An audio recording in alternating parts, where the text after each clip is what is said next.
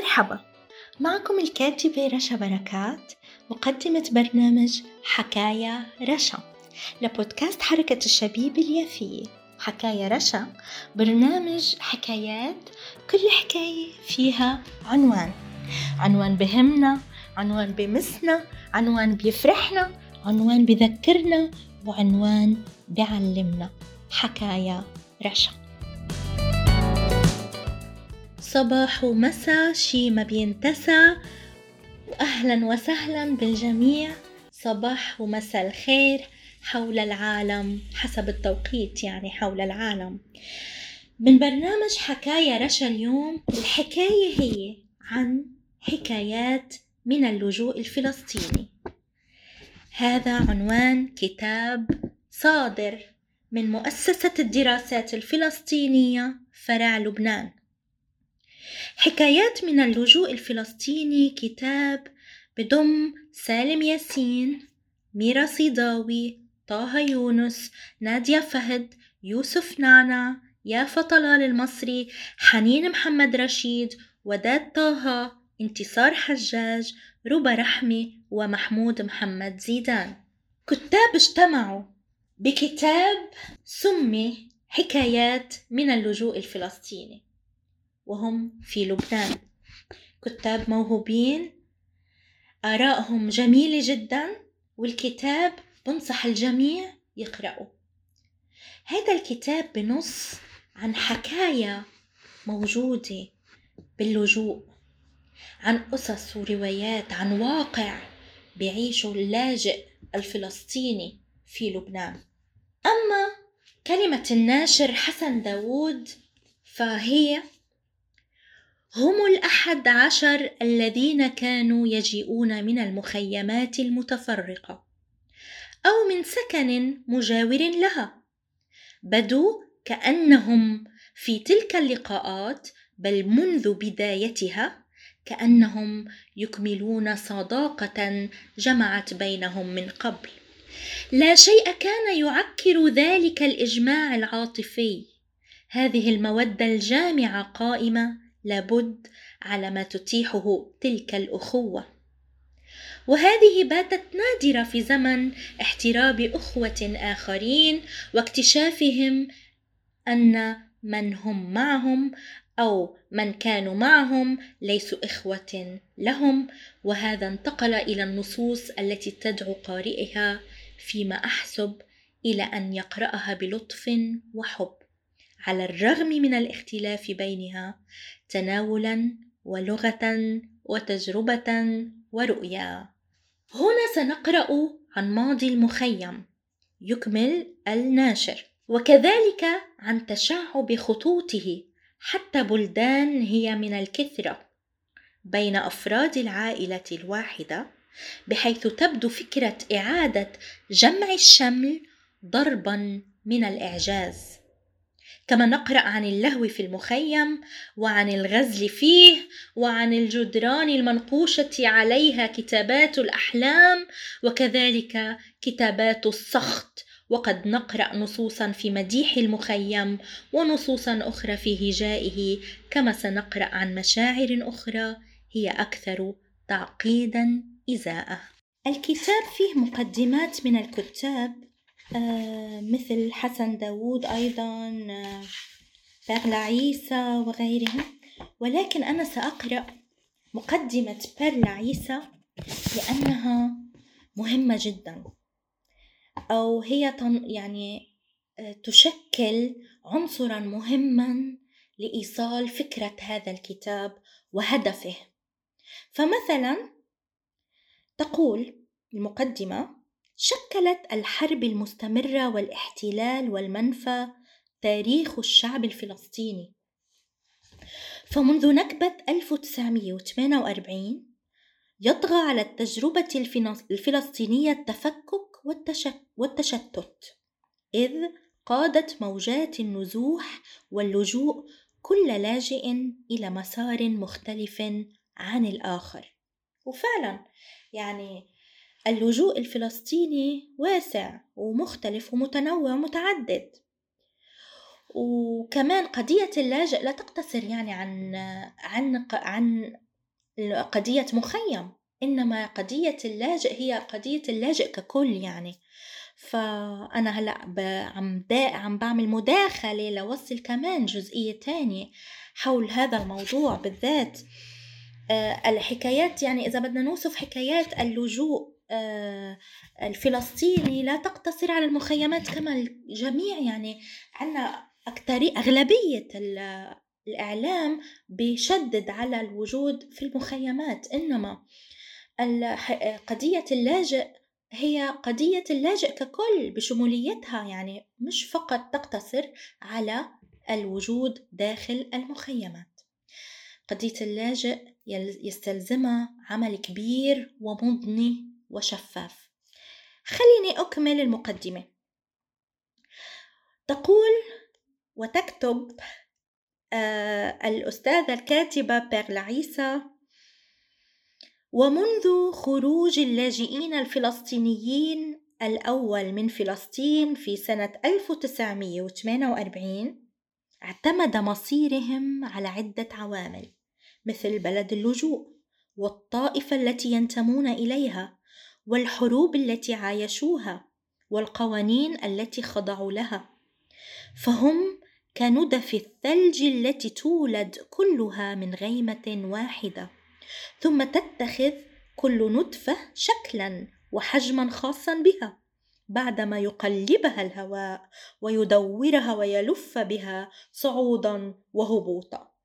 وهكذا تتخذ حياة الفلسطينيين منحى فريدا في مواجهة الواقع السياسي والقانوني والاقتصادي الذي يعايشونه.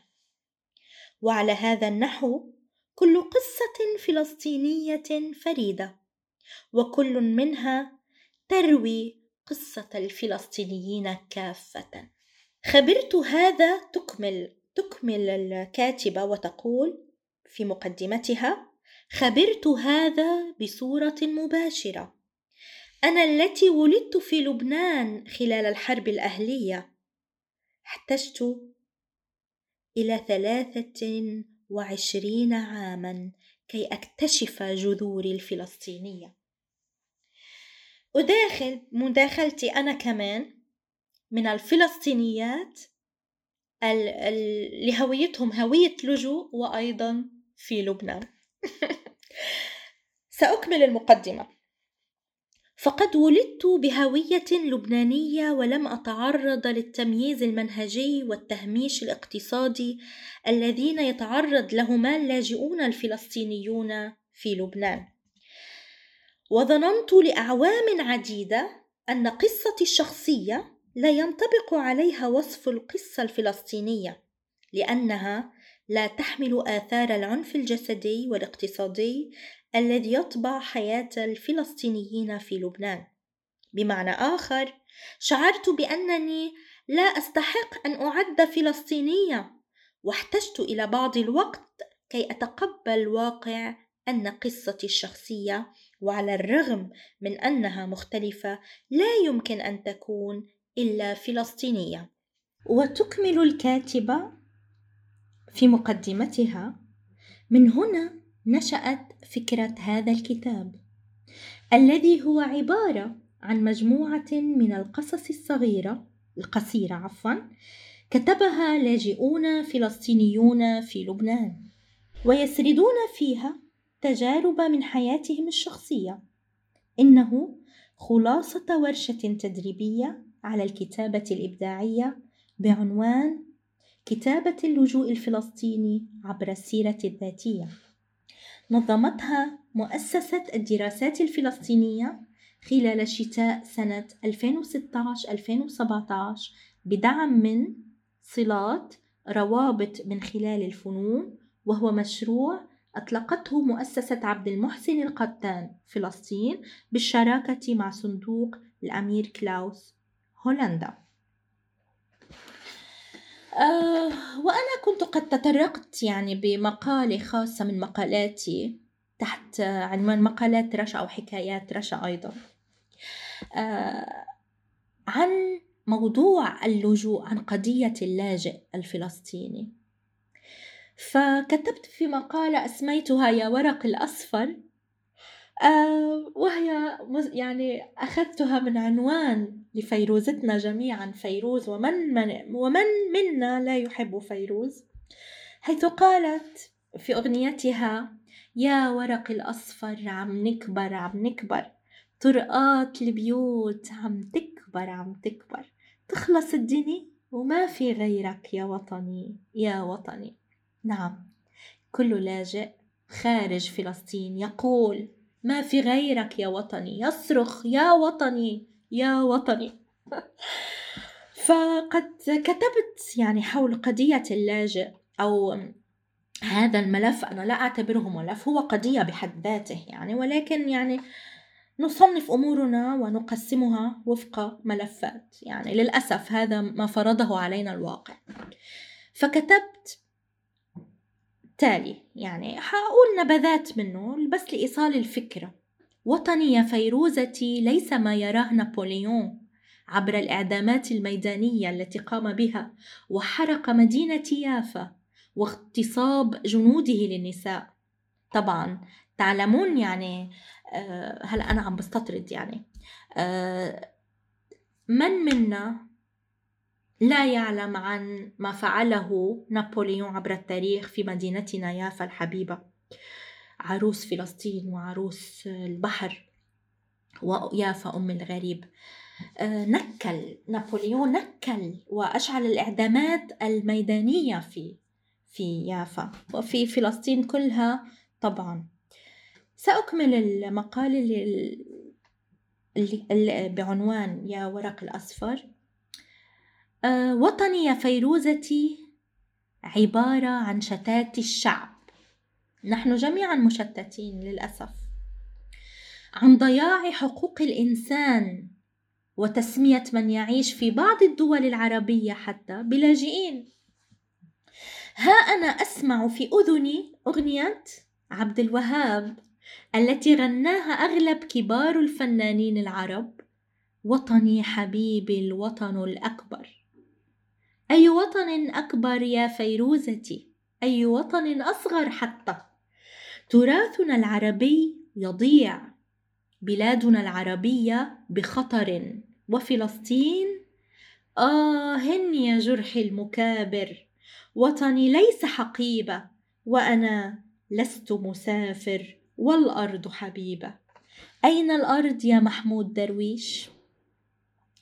شعبنا بات يركض نحو الهجرة التي تم فرضها عليه لأن لا حل لديه سواها.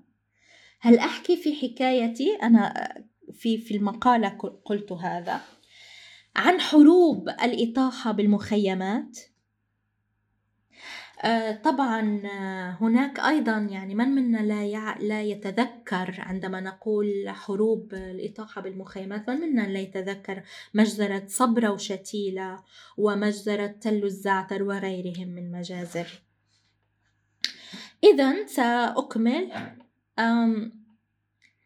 سأحكي عن بعض معاناة اللاجئ في لبنان عن ضياع حقوق اللاجئين. نعم هكذا وصفوا الفلسطيني. ابن الأرض والقومية والجغرافيا أصبح لاجئا. غنت ريم بنا الراحلة تلك الفلسطينية الناصرية المبدعة الله يرحمها. وبع المؤذن الله أصبح لاجئا يا سيدي. حاصر إذا حتى بساط المسجد. وبع الكنيسة فهي من أملاكه. وبع المؤذن في المزاد الأسود. طبعا هذا معنى كبير لما يحصل من انتهاكات بحق الإنسان الذي أسموه بلاجئ. وطبعا هي لم تتطرق ل... لم تق في نصها الذي غنته يعني لم لم تقلل من عظمة الخالق القيوم بربوبيته. ولكن هذا وصف عالي الدرجات لإيصال صرخة يكاد لا يسمعها أحد. للأسف. وأكمل في مقالتي أنه عدا عن تشويه صورة المخيمات الفلسطينية أيضا وإظهارها على أنها بؤر أزمات وإجرام وخيانات ومخدرات وما إلى هنالك من تشويهات والإجحاف والتهميش لكل أنواع الحقوق الإنسانية تحت حجة وشماعة التوطين وحق العودة. وبعد ترك اللاجئ الفلسطيني لمواجهة مصيره بنفسه من كل الاتجاهات صار شعبنا مستعد لأن يبحر في رحلات الموت عبر البحار ليهاجر. وكم عانى قسم كبير هاجر لينقذ ما تبقى منه من فتات إنساني. فهل ننسى الشابة الفلسطينية؟ سأتكلم عنها الآن. اسمها ريهام المغربي. التي لم تكن إرهابية كما المراد أن يقال عنا نحن الشعب الفلسطيني بمجمله. بل كانت فتاة في مقتبل عمرها في عمر الزهور تحلم بحياة وردية. كانت مهندسة وليست مجرمة ولا تاجرة مخدرات. غرقت في البحر التركي لأنها أرادت لنفسها حياة تليق باسم عائلتها وكيانها ودرجتها الإنسانية والعلمية. نعم لقد ماتت غرقا في البحر. إذا آه، هناك إجحاف في حق الفلسطيني اللاجئ. هناك حقوق للاجئين الفلسطينيين آه، غائبة كليا. وللأسف وحقوق اللاجئ الفلسطيني ليست ضمن آه، مخيم فقط. إنما حقوق هي قضية اللاجئ الفلسطيني بشموليتها. سأقول لكم أن العديد منا أيضا لا يعرف عن حقيقة الهجرة ومكائدها التي يدفعونه عليها كذلك. فحقيقة بند الهجرة للاجئ من بلد ألف إلى لجوء آخر لبلد بي مثلا A و B تنقول يضيع منه بحسب بند من بنود القانون الدولي بحق المطالبة بوطنه. فهذه هي حقيقة الأمر وهذه هي الجريمة بحق اللاجئ الفلسطيني وبحق القضية الفلسطينية وليس فقط قضية اللاجئ. فإذا يجب أن لا نقع على كل لاجئ مثلا عليه أن يعلم أيضا. وأنا يعني أود إيصال هذا هذه المعلومة للجميع. بأن هناك مكيدة. فمكيدة اللاجئ من من من بلد ألف إلى بلد بي عن في القانون الدولي في بند من بنود القانون الدولي خلص يضيع عنه حق المطالبة بأرضه وحق العودة. إذا علينا أن ننتبه أيضا لهذه المكيدة. فهذه حكاية أسى وحزن برغم أننا جميعا يعني متحديين نحن شعب الجبارين يعني أنا أقول ليس فقط نحن شعب الجبارين الجبار بمعنى أننا نحن الصابرين المتحديين الأقوياء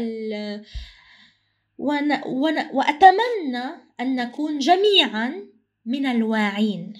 إذا قضية اللاجئ كانت اليوم آه، حكاياتي من حلقة وبرنامج حكاية رشا آه، في من بودكاست حركة الشبيبة اليافية. والآن أختم معكم وبكامل آه، احترامي للجميع وتقبل ما قلته. وأتمنى منكم ألا تشعروا بملل من حكاياتي. أراكم أو نلقاكم. أو ألقاكم في حلقة جديدة من برنامج حكاية رشا